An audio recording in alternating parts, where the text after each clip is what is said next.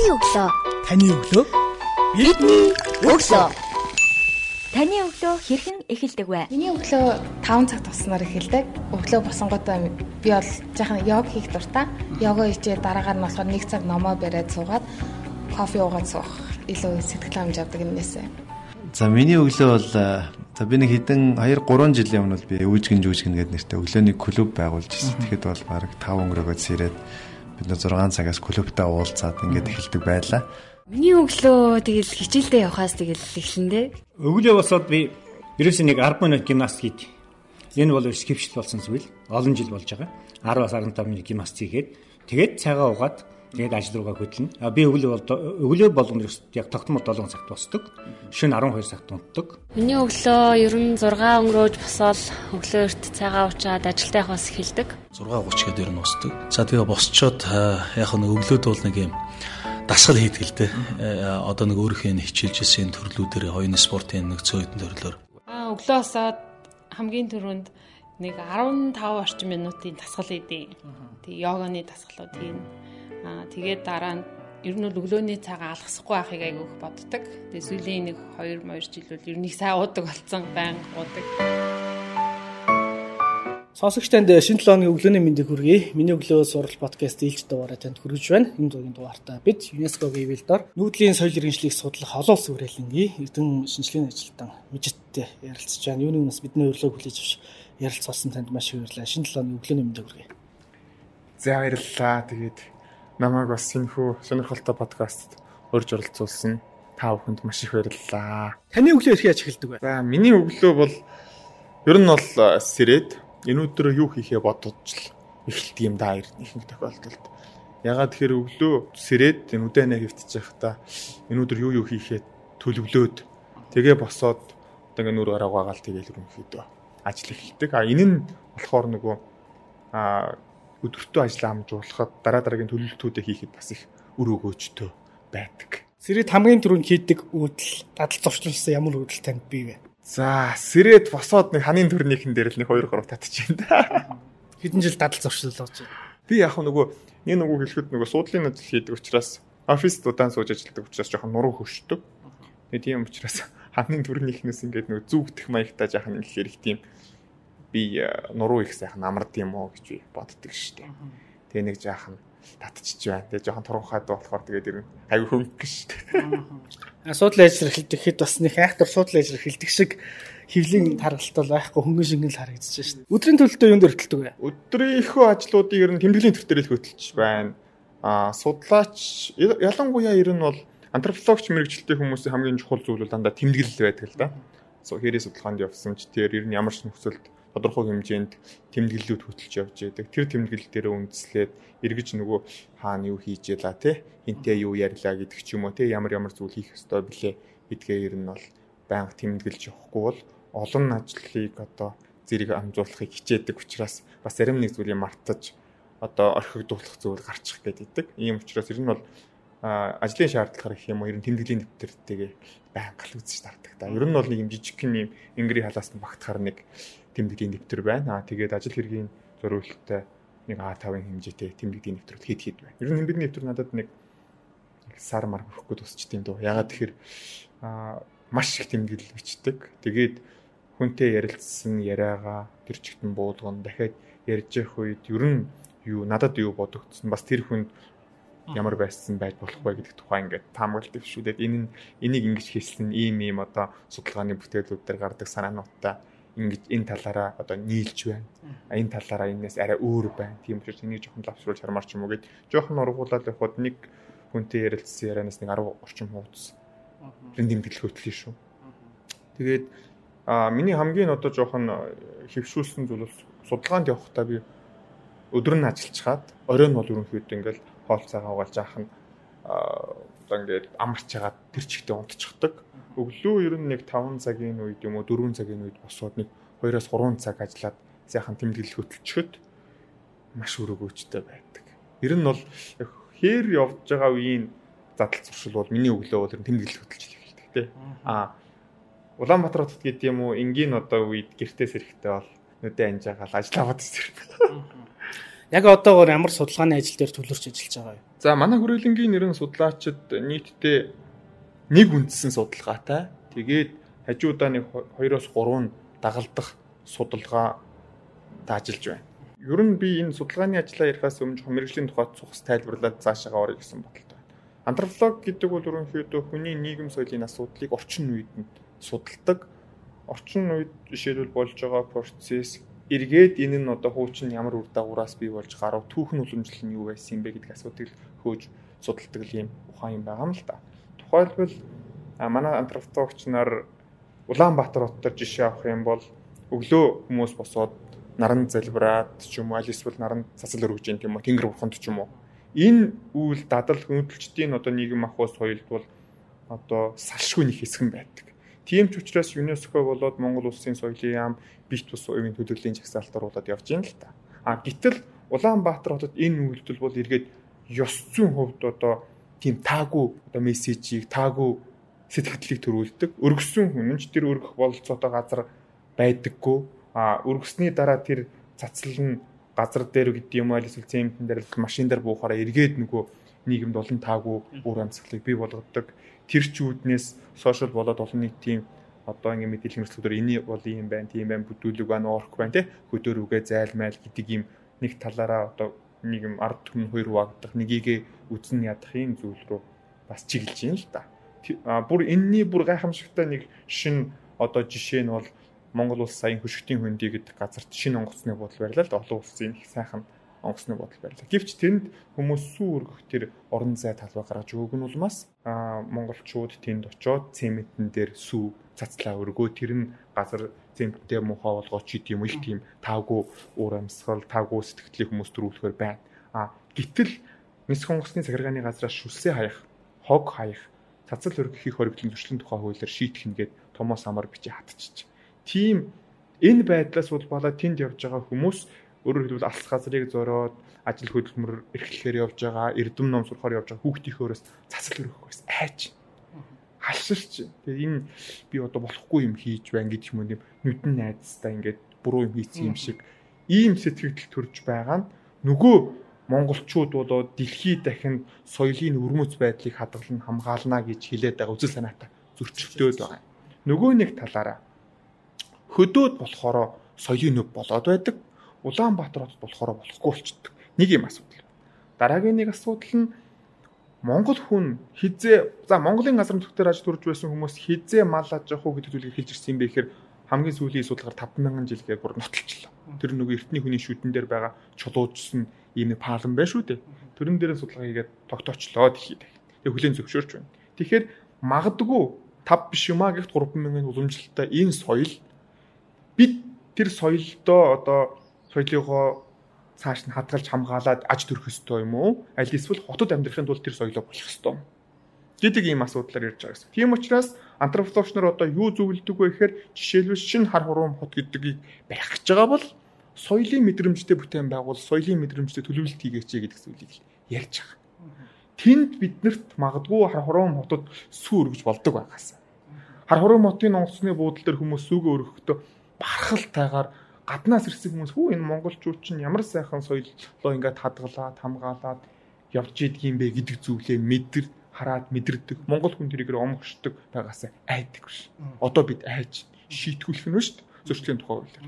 Ийм асуудлуудын энэ зүйлүүдийг бид хэд судалдаг. Би энэ тухай сая нь олон улсын манай хүрээлэнгээс зохион байгуулсан нүүдэлчийн ёс зүй этикийн асуудал гэдэг олон улсын хурал дээр яг энэ цаслэр өрөх хэрэгчлөө уламжлалаа шинчлэх үү хадгалах уу гэсэн шүү нэртэй ийм ихтгэл тавьсан.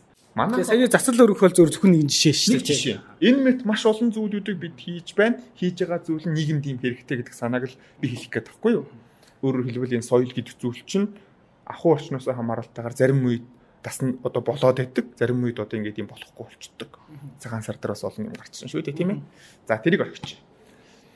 За би энэ хүрээлэнд нэгдүгээр монголчуудын эдээ ундааны соёлын тухай сэдвт юу ажил хариуцж хийдэг. А энэ сэдв судалгааны ажлынхаа хүрээнд Монгол амны их шиг монголчуудын эдийн ундааны соёлын өөрчлөлт гэсэн нэртэй нэг сэдв бүтээл одоо бичсэн. Энэ бол ерөнхийдөө судалгааны ажлын маань нэг жилийн үр дүн. Энэ судалгааны ажлыг бичихийн тулд өнгөрсөн жил бид нар нийт 9 аймгийн 40 гаруй сумаар явсан байна. А зөвхөн одоо ингээд э, энэ бол бас тийм амаргүй зүйлтэй хаагадгүй тэр олон газараар явна гэдэг бол. Гэхдээ энэ нүгөө би зөвхөн нэг судалгааны ажлын хүрээнд ингээд явчихсан юм биш. Би ингээд гурван судалгааны ажлын хүрээнд энэ нутгаар явсан байна л да. А нөгөөх нь болохоор Канадын Winnipeg-ийн их сургууль одоо манай хүрээлэн ЮНЕСКО-гийн нэвлэр нүүдлийн соёл иргэншлиг судлах олон улсын хүрээлэн хоёр хамтраад хэрэгжүүлж байгаа ноолуурын тогтвортой ноолуурын ёс зүйг тайлах уу гэсэн нэртэй сэрв судалгааны ажил. Энэ судалгааны ажил нийт 3 жил үргэлжилж байна. Дахиад ерөнхийдөө 5 жилээр сонгогдох төлөвтэй байна. За энэ яадаг судалгаа юм бэ гэхээр Монгол улсаас гадагшаа гарч байгаа валют болж байгаа дэлхийн зах зээлд гарсан хамгийн намжилттай төсөл хамгийн намжилттай соёлын брэнд үйлдвэрлэл бол ноолор байна. Яагаад гэвэл монголчууд дэлхийн нийт ноолуурын зах зээлийн 60%-ийг бүрдүүлдэг. А ийм учраас дээр нь ноолуур өөрөө их тийм тансаг хаан ширхэгт гэж яриад байна шүү дээ. Гайхамшигтай ийм бүтээгдэхүүн байдаг. Энэ ноолуурыг Монголын малчд үйлдвэрлэдэг. Энэ ноолуур нь өөрөө хагас хуура, ширүүн, ийм уур амьсгалтай энэ өндөрлөгтөл одоо тэр аж төрж байгаа ямаанаас тэрийг маллж байгаа Монгол малчтаас за бий болж байна. 60%. А үлдсэн нь өөр Монгол тэгээд Казахстаны манай тал руу хандсан хэсэгт ингээд ийм бүрээд жоохон ороод явж тэ бүрээд тийм багтаа. Тэгэхээр ийм чухал бүтээгдэхүүнийг бид үйлдвэрлэдэг. А гэтэл дэлхийн зах зээл дээр сүүлд ямар ойлголт бий болсон бэ гэхээр ер нь энэ ноолуурын үйлдвэрлэл гэдэг зүйл чинь тогтвортой хөгжил гэж яриад байгаа энэ зүйлийн стандартыг хангадаг юм уу? Байгаль дээлтэй юм уу? амтны эрх гэдэг юм уу ёс зүйн хэм хэмжээг сахидгий юм уу гэдэг асуудал гарч ирээд тэгээ сүүлдээ том том корпорацууд том том а одоо нөгөө ноолуурын үйлдвэрлэдэг аль эсвэл том том дэлгүүрүүд татгалзаж гисэн. Тухайлбал бид нар маш сайн мэдэн шүү дээ нэг одоо Монголын гайхамшигтай одоо олонний танил хүн ямаас амнах нь бол амтны эрхийг зөрчиж байна гэх. Одоо зураг постэр болсон баг шиг лайв хийсэн баг шиг. Энэ мэд зүйл нь дэлхийд дахинд энэ сөргөөр сурталчлах юм зүйл болж юм л та. Тэгээд тэнд юу болсон бэ гэхээр яма гэдэг зүйл бас гарч байгаа нь үнэтэй байна. Үнэтэй байгаа учраас монголчууд мөнгө олохын тулд их хэмжээгээр ямаа өсгöd байна. Ямаа нь өөрөө эргээд байгалийн одоо цөлжих а дэлхийн дулаалд тодорхой хэмжээгээр нөлөө үзүүлэх дахиад нөгөө талаараа нургамлын нэр төрлийг одоо цөөрүүлэх ийм сөрөг олон ур дагавартай юм байна гэдэг мессежийг маш их хэрэг болсон. А энээс гадна дахиад нэг зүйл нь ноолуурын ёс зүй стандартыг бий болгох зорилготой ноос ноолуурын нэвсэл гэдэг ч юм уу маш олон олон улсын байгууллагаас дэмжлэг авсан байгууллагууд энийг стандартчлахыг хэм хэмжээ тогтоохыг хичээсэн. Гэхдээ тэр дандаа гаднаас нь харж байгаа. Өөрөөр хэлбэл Монгол соёлын соёл талаас нь судлаагүй. Малыг өсгөх гэдэг зүйл чинь ямар юм байдгийм бэ? Малчид яаж мал маллаж байна? Тэнд ямар амьдралын их үүсвэр байна. Ноолууртай холбоотойгоор ямар соёлын бишт болон бишт бус өгөөд оршиж байдгийн бэ гэдгийг харгалзахгүйгээр гаднаас нь хараад тогтоосон гэсэн. Тэгэхээр манай судалгаа яах гэж байгаа вэ гэхээр үндсэн санаа тэр зүйл хийсэн юм чинь амлчтын амьдрал дээр нийцэхгүй байна. Газар дээрээ буухгүй байна. А тийм учраас энэ хүмүүсийг өөрсдөөсийн дунд нь судалгаа хийгээд энэ ноолуур гэдэг зүйлийн соёлын үнц нь юу юм бэ гэдгийг олон тэмүүлэх гэдэг. Өөрөөр хэлбэл дэлхийд дахны соёлын өвийг хамгаалах гэж байгаа уриалга байна. Соёлын өрөөс байдлыг хадгалж хамгаална гэдэг энэ конвенц байна шүү дээ. Энэ үзэл санааны нэг том байр суурь одоо нэг талаараа тулгуур багна. Одоо их үүсвэр нь ямааны нол. Тэргээр олон малчид, олон монголчууд аж төрж амьдардаг. Тэнд олон монголчууд хөдөө малаа маллаад байхын хажуугаар олон бэлт бус өвөд хадгалагдаад хамгаалагдаад явж идэг гэсэн. Гэхдээ малчид зөвхөн ям малдаггүй. Өхөр малж байна. Хойно малж байна. Адуу малж байна. Тэмээ малж байна. Сарлаг малж байна. Тэгээд тэнд дахиад бүхэл бүтэн ард түмний соёлын их ундраг нь тэнд барьж байна. Тэгэхээр дэлхийд дахин юу гэж одоогор мэдээлэл баг учраас л эдгээр ойлгож байна шүү дээ. Яг тэгвэл монголчууд тэр ноолуурынхаа талаар юу ч олон улсад маш бага ирсэн байна. Ялангуяа соёлын талаас нь их бага ирсэн байна. Тийм учраас манай судалгааны үндсэн зорилго бол өрөөсөө соёлын үнцийн үеийн энэ дэлхий дээр байгаа Монголын соёл иргэншил гэдэг зүйл малчид ямар үр өгөрөлтэй байдгийг их ундрах гэдгийг юм уу их сурвалж нь болж байгаагийнхаа хувьд тав хошуу маллынх нь нэг нь болсон ямаа ямар үр өгөрөлтэй юм бэ гэдгийг л таниулах зорилготой олон ажлууд хийж байна. Энийний хүрээнд бол биднэрт нэгдүгээр хөдөө орон нутгаар бид Аранга аймгийн их тамир суман дээр Баян-Онгор аймгийн Баян-Говь, Шинжинс, Өмнөг аймгийн Номгон гэдэг сумуудаар сонгож судлаа хийлээ л дээ. А энэ бүс нутагт ажиллаж байгаа хүмүүсийн малчдын ахуй амьдралыг тэгээд соёлын онцлогийг видео бичлэгт буулгаад Канадын Winnipeg-ийн их сургууль дээр тусгай вебсайт, YouTube хуудас нэгээд энэ дээр байршуулж байгаа. Хэрнээс гадна олон улсад энэ Малажаху болоод Ямата холбоотой гарч байгаа соёлын брэнд үйлдвэрлэл гэж одоо соёл ямараад байна шүү дээ тийм. Тэгэхээр тэр нөгөө ноолуурны үн цэнийг илтгэх зөвхөн ноолуурныг үн цэнийг илтгэж байна. Тэрний хажуугаар ямааг өсгөхтэй холбоотой нэг соёлын үн цэн бас яваад байгаа. Амьдрал гэдэг чинь өөрөө цогц зүйл тийм. Тэгэхээр энэ зүйлүүдийг нь одоо илэрхийлэгт сурчлах зорилготой Канадын Winnipeg-ийн их сургуулийн дэргэдэх музей дээр бид нэр үзэсгэлэн гаргаж байгаа. Энэ мэт одоо видео контент явна үзэсгэлэн гарна олон улс эрдэм хэлгийн хурал зохион байгуулна. Дараа нь бид Монгол улсын хүнс хөдөлгөөн хөнгөн үйлдвэрийн яам, соёлын яамд зөвлөмж. Энэ ноолуурын стандарт гэж яриад байгаа, тогтвортой хөгжил гэж яриад байгаа зүйлд чинь соёлын үнцэн гэдэг зүйлийг нь оруулах хэрэгтэй байна. Одоо соёлын үнцнийг оруулах. Төсөл хэдийн хэрэг хугацаанд үргэлжлэх вэ? За, төсөл өнгөрсөн жил 2022 онд эхэлсэн. Ингээд энэ жил 2 дахь жилээ. Дараа жил 3 дахь жил, 3 дахь жилээ бид ихний үр дүнгээ ярилцсан. Нэг томоохон эрдэм хэлгийн хурал хийн. Тэгээд 2 дахь шатныхаа төстэй боловсруулаад явуулсан байгаа. Тэр нь 5 жилийн хугацаанд хэрэгжихээр төлөвлөж байна. Тэр нь шийдэгдээд одоо гол зүйл бол гаднаас төсөв босгож байгаа. Тэр төсвөн шийдэгдвэл бид арай өргөн хүрээнд арай олон аймгийг хамруулсан хэмжээнд хийхээр төлөвлөж. Тэгээд нийтдээ 5 жилийн дараа эцсийн одоо судалгааны үр дүн гаргана. Энэ хүрээнд бид хэд хэдэн ном бүтээл гаргахаар төлөвлөж байгаа.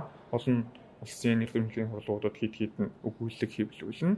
Тэгээд контентууд олноор үйлдвэрлэнэ. Тэгээд Канадын зах зээл болоод Европын зах зээл, бусад зах зээл дээр ноолуур бүтээгдэхүүний соёлын өрмөц үнцийн юу байдгийг бэ гэдгийг танилцуулах зорилготой. Ер нь малчид гэж юм бэ гэдгийг танилцуулах зорилготой. Хамгийн гол юм болохоор Европт байгаа ноолуур ихэнх нь Италид үйлдвэрлэж идэв юм уу? За хамгийн ихтэл Монголд үйлдвэрлэв гэсэн нэрэл баг. Media in Mongolia гэдэг ч юм уу. Гэтэл тэрний цаана энэ ямар процесс явж иж ингэж гайхамшигтай сайхан ноолуурын цамц бий болж байгаа тухай хүмүүс мэдхийг хүсэж байгаа. Бас мэдээлэл хайж байна. Тийм учраас бид нэр энэ хүрээнд нь маш олон талын олон одоо суугаар мэдээлэл хийгээл хичээж байгаа. Энэ маш чухал. Хэрвээ олон улс ноолуурын зах зээлээс татгалжвал бид маш том валют болдог. Эдийн засгийн хувьд валют болдог. Нөгөө талаараа малажхан бас нэг тийм сүр эдийн засгийн хөшүүрэг зүйлээ алдах юм. За мэрэгжлийн тал руу нэлээд дэлгэрэнгүй ярилцлаа байлаа. Одоо хувь хүн тал руугаа асуултсаа хувь хүнд байх хэвээр хамгийн чухал гурван чадварыг нэрлэж чигвэл мэрэгжлийн зүгээс ямар гурван чадварыг сонгох вэ? Яагаад энэ гурван чадварыг сонгож байгаа вэ? За энэ их сонирхолтой асуулт байна. Нэгт би бас бодож үзээгүй юм байна л да. За ер нь хувь хүнд байх юм бол нэг тийм хэлсэндээ хүрдэг байвал их зүгээр юм уу л гэж санд шүү дээ. Тэгэхээр хэлсэндээ хүрдэг байхын тулд хүн төлөвлөдөг болдог. Аа хэлсэн хариуцлагатай болдог Тэгээд нөгөө нэр төр гэдэг зүйлээ эрхмэлдэг болдог.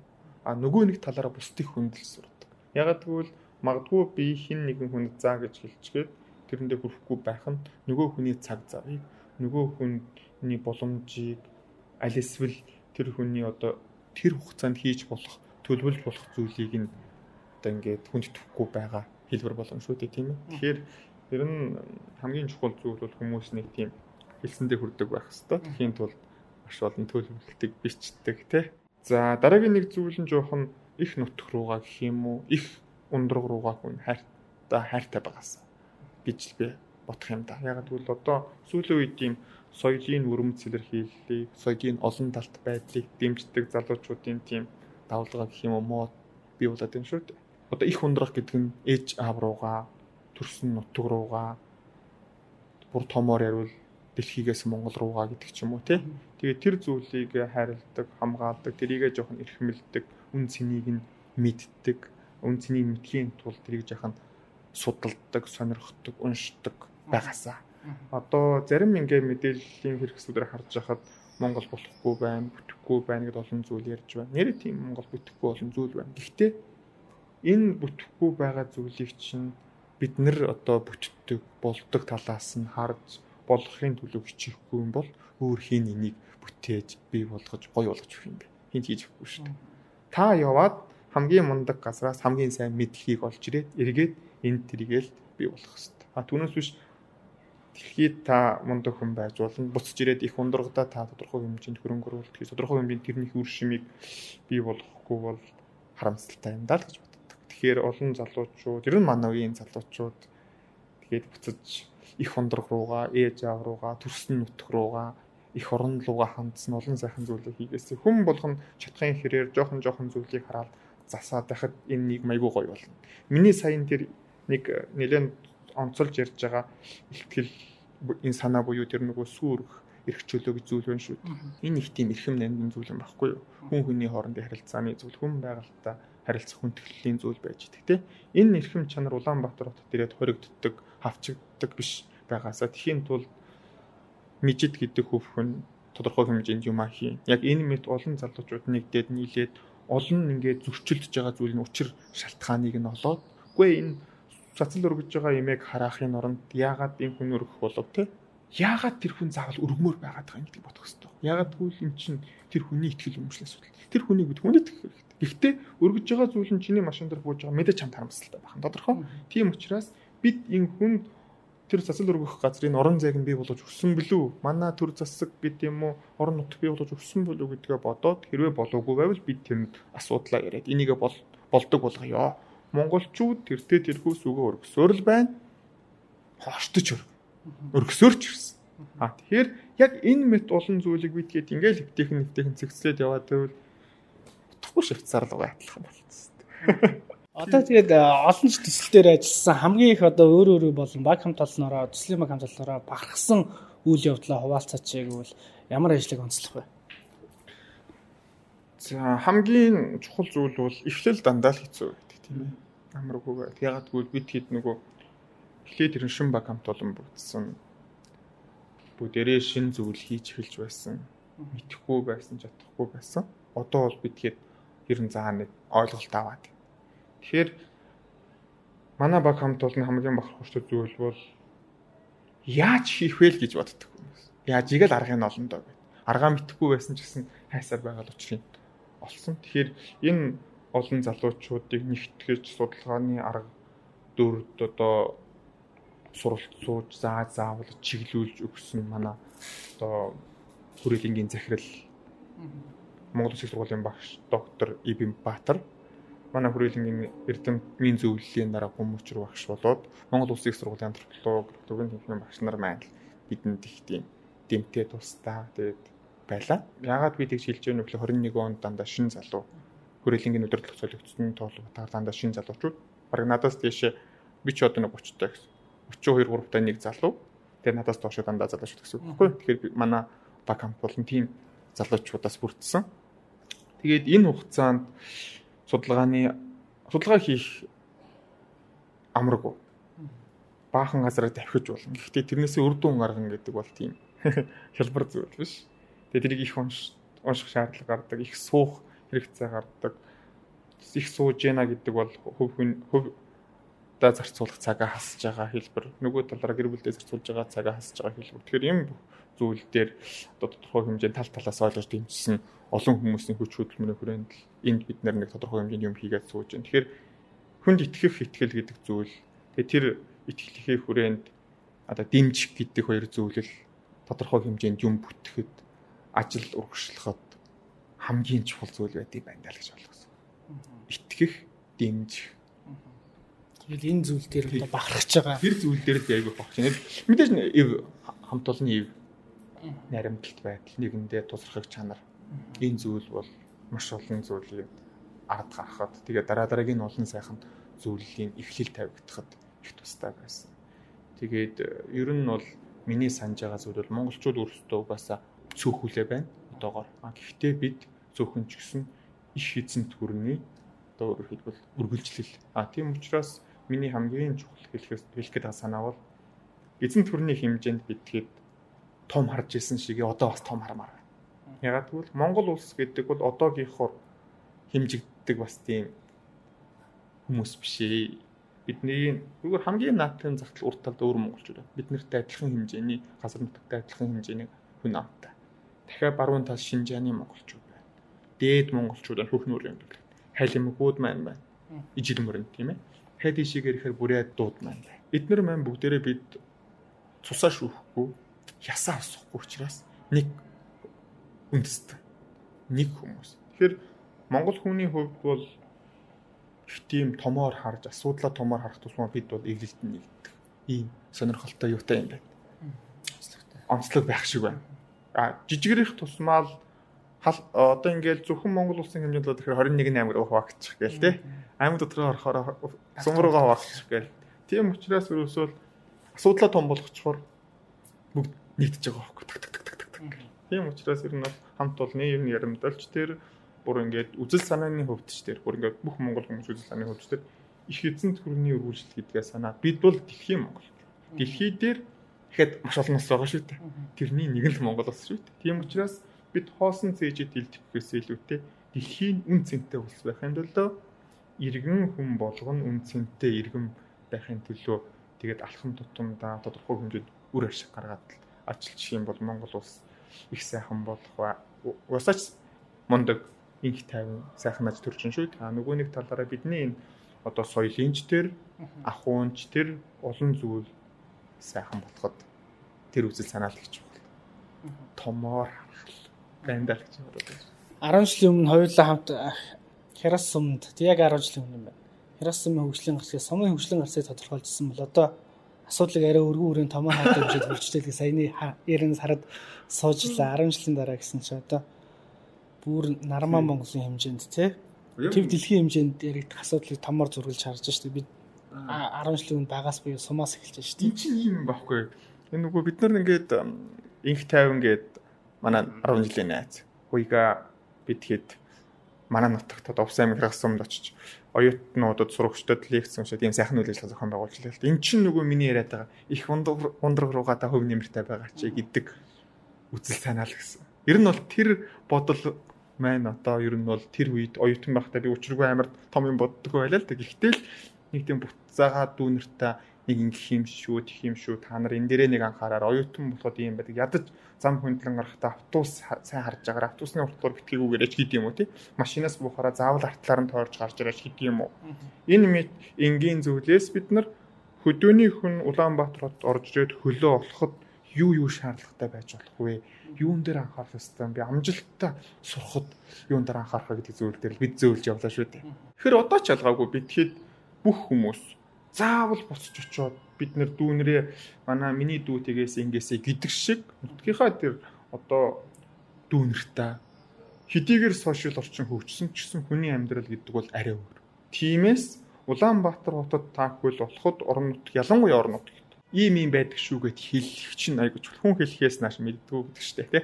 Цаас жижигээс цааш одоо цоортгүй гэдэг шиг ийм их хүн дур руугаа их сургууль руугаа нутаг ус руугаа ах дүүнэр руугаа ингээ хандсан тийм зүйлүүдийг хийгээд хамтдаа явмаар байна. Ганцаараа сайн байгаад ганцаараа мундаг байгаад уучлаарай энэ тийм үр дүнтэй биш. А олуулаа мундаг болчих юм бол тэр маш олон хүний нэг хүн мундаг байхад тэрний ард байгаа гэр бүлүүд ингээд үр өгөөчтэй сайн сайхан болж байгаатай адилхан магадгүй танаас үлгэр дуурайл аваад таны хийж байгаа зүйлийг хандлагаас нэг ч гэсэн сэтэл аваад ийм болсон, тийм болсон олон хүн бий болоосоо тий гэдэг бол их чухал юм билээ. Тэгээд бид нарыг тэр үед одоо чинь 2012 оны үе гэсэн шүү дээ. Тэр цаг үед тийм юм яриад явж явж яхад одоо хүмүүст юу гэж хүрсэн бид нар үед мдээгүй л тий. Сүүлд сонсож явах та нэг ирээд ингээд лекц уншаад явсан танаа одоо найзууд тэр их өрөөгөөчтэй юм байж тэр үед бид нар ингээд мэдээлэл их хомс байлаа. Мэдээлэл байсан ч бид нэр яаж тэрэнд хандхаа мэддэггүй байлаа гэж байгаа. Өөрөөр хэлбэл нөгөө нэг мэдлэг олон мэдээллийг боловсруулах гэдэг нэг юм байна да. Тэр зүйлийг л ингэж базаж томоор харахад арга зүй гэх юм уу нэг тийм жижигхэн зүйлийг л туулсан хүний хувьд өөрийнхөө сурчлагыг эднэрт яриад өгөхөд тэр залуучууд Улаанбаатар хотод орж ирээд тодорхой хэмжээнд хөлөө олоход, учраа ойлгоход тун их тустай байсан болов уу гэж боддог ш. Тэгж ч тэд нар өөрсдөө ярьдаг юм байна. Тэгээд хамгийн ингээд энгийн жишээ ярихад ер нь бол энэ хэлэхэд баруун аймгаас Улаанбаатар хотод гол нь хүртэл эргэж урсдаг шүү дээ. Бүр буруу урсж байгаа юм шиг гацрынхаа өөд урсаад байгаа юм шиг санагддаг тий. Тэгэхээр ер нь бол ингээд нэг орчноос нөгөө орчин руу хүн шилжилт хийхэд асар тийм өөр өөр мэц байдаг. Угтаж авдаг. Тэрэнд их тийм зөөгөөр эвтэх наваа явуул тэр хүний сурлах хөдөлмөрч дээр амьдрал ахуйд нь өрөөгөөч тэгээд а харамсалтай зарим тохиолдолд бас тийм сайн биш одоо зүйл тохиолдох юмуд байна тийм учраас Улаанбаатар хот ч ялгаагүй. Улаанбаатар хотоос гараад та хилийн гадагшаа явсан бол тэр газрынхаа соён сайхныг дүүнэртэй ярьж өгдөг хүмүүст хилдэг. Одоо яг сошиал орчин хөгжиж идэв. Гэхдээ л сошиал хөгжөөд хөгжөөд хүн болгон фэйсбүүкээ хараа сууж явахгүй. Тодорхой учраас бас нэг тийшээгээ залуучуудаа юмаа хэлцдэг байвал энэ бол чухал шүү л гэж бодох юм да. Бидний хийсэн ажил хүрээдүнтэй байсан. Сайн өөрчлөлт гэж хэллээ шүү дээ. Өөрчлөлт дасан зохицох чадвар нь юу тэр вэ? Би их тийм азтай гэдэг нь болохоор хөдөө яг малчны хотод төрж өссөн. Нэгдүгээр ангиас аваад би байранд байгаад тэгээд 11 дөрөв анги төрлөө байранд байж исэн учраас тодорхой хэмжээнд багасаа би даасан шин зүйл рүү ороход шин орон зай руу ороход гэдэг юм уу тийм өөрчлөлт ирэхэд би ирнэ гэх учиртай. Ягаад гэвэл юм ингээ болоход за энэний учрыг арга нь аргыг нь олонд арга нь юу юм болоо гэж л боддог. Өөрөөр хэлбэл яаж энийг зохицуул болох вэ гэдэг зүйлийг төрүүлээд шууд бодож эхэлдэг учраас нөгөө нь хэцүүгийн нэг хараад идэггүй. Тэр нь их давтал. Тийм ч учраас манайх 2016 онд Хинти аймаг руу одоо нүүдэл хийлээ шүү дээ. Малаа хөлөөр нь ингээд тугаад 2000 км газрыг 2 сард тууллаа. Тэгэхээр энэ энийг бол би тэр үед аав ээжтэй бас тодорхой хэмжээнд зөвлөж байсан байна л да. Тэгэхэд тэр үед би тэр нөгөө нэг эрсдлийг бол нэг их ахтар тоож баг хараагүй юм шиг л. Залууч байсан бах. Ай одоо бодоход 30-наас гэж одоо тарьтай өгч жоохон л ээжтэй. Тийм тэр бол ерөөсө боддоггүй байсан. Дандаа сайхныг нь дандаа сайныг нь дандаа тийм юм харчдаг. Тэгэхээр бас нөгөө нэг тэнэг хүнийг тэнгэр ивэдэг гэдэг шиг дандаа сайн нь харчихсан хүнд бол өчргөө нөгөө муу юм тохиолдоод харцсангуу бас өршөөдөг юм болов. Тэгээ ч ирэн бас нэг тийм юмыг сайнаар харах, цагаахнаар хүлээж авах, тэгээд эргээр харах гэдэг чинь их чухал чанар шүү дээ. Тэр их чухал. Тийм учраас ингээд азар золоор олон ажил их сайхан бүтээд яваад идэг шиг надад санагддаг. Тийм учраас ер нь бол нэг асуудлыг бид нэр мууг нь харвал бүх талаас нь эрсдлийг тооцож байна. Тэгэхээр мэдээж бас юмыг дэнслэлгүй яах. Гэхдээ л бас хит их эрсдэл орчих юм бол хүн юу ч хийж чаддгүй. Ямар ч шийдвэр гаргаж чаддгүй тодорхой нэг амьдралд чинь бас нэг юм зоримог шийдвэрүүд бас хэрэгтэй байна шүү дээ. Энэ зүйлүүд төр жоохон юудаггүй байх. Алтддаг шиг санагдаад байдаг. Тэгээд ингээд нэг тийм болвол бол болоо ингээд үзээд үзээд үзээд үзээд так так так гэж явчвал тэгээд зарим дээр нь оноо зарим дээр нь ингээд ширэн дээр чар үйлчлэх хэрэгтэй юм шүү дээ. Үйлчлэгээд хийгээ явчих илүү дараа нь харамсаад байх зүйл байдаггүй. Яг л би тэгчихсэн бол тих байсан байх та гэж бодогддог шүү ер нь зарим зүйл дээр. Тэгэхээр ингээд үйлдэл хийгээ явчихсан байхад тэр үг бас хариун тодорхой шүү дээ. За юм бол. Гэхдээ нэг юм байдаг. Явж үзээгүй зам болгон сайхан санагддаг. А тийм учраас би юу хэлэх гээд байна вэ гэхээр та тухайн үе төлөвлөөд А Б өвөө гэсэн гурван хөвлөр гарч ирлээ гэхэд А-гийн сонгоод хэрвээ явсан бол үлдсэн В С хоёр танд дандаа сайнаар гэдэг юм дандаа сайхнаар илүү өргөөжтэй юм шиг санагдаж магадгүй. Гэхдээ уучлаарай. Чиний явсан зам чинь шийдсэн шийдвэр чинь зөв байдаг. Шийдсэн зүйлийг артлаас дахиж харамсах хэрэггүй. Энэ бол шал дэмий зүйл нервэ барна, энерги барна, цаг аваа. Тэгэхээр яваагүй зам болгоно одоо сайхан санагд. Энэ бүр ардын нэг юм сайхан үг байна. Суусан газар зовлонтой, сансан газар өдөв, санааны газар жаргалтай. Тэгэхээр тэр оюун санаанд байгаа зүйл бол өөр. Яг явж үзсэн юм бол За ярьцлага маань өндөрлөгчдөнд орсон маань бидний сонсч байгаа сонсогчдод оролцож зочин болгон нийгэмд чиглэсэн эрг өөрчлөлт хуурайлгад төвшүүлээд яриагаа өндөрлөдөг. Бидний сонсч байгаа сонсогчдод уриалах вэ? Өв соёлоо хайрлая, хамгаалъя. Энэ нөгөө нэг бидний их ундраг болсон, их суулж болсон чи хэмбэ гэдгийг олон улсад бусдаас одоо ялгарах, бахархал, омгшил тэгээд үнцийн хамгийн чухал үнцнийг бий болгож байгаа нь өв соёлдоо хайртай бай. Энийгээ түгээхэд, таниулахад, ойлгоход цаг зарцуулаарай. Тэгээд цаашаага үнцэнээ ойлгочихсон үнэт зүйл гэж юу юм бэ гэдгийг мэдэрдэг одоо трийг ойлгочихсон нөхцөлд бол Монголын соёл гэдэг бол Монгол оронд төрсэн нараа бол таавал гайхамшигтай баярлаж бахархаж явна гэдэгтийг бол итгэлтэй нэд өв соёлоо хайрлаж хамгаалж түгээн дэлгэрүүлсэн. За маш их баярлалаа. Таны цаашдын судалгааны ажил өндрсөн амжилт хүсье. За баярлалаа. Та бүхний ажилд бас өндөр амжилт хүсье. За сонсогч танд миний өглөө сурал подкаст ээлжид дугаараа хүргэлээ. Өнөөдрийн дугаартай бид ЮНЕСКОгийн ивэлдор нүүдлийн соёл иргэншлийг судлах олон улсын хүрээлэнгийн эрдэм шинжилгээний ажилтан Мижит Эрслаа шинэ 7 хоногийн даваа гарагийн энэ цаг мөчтөө иргэд уулзъя.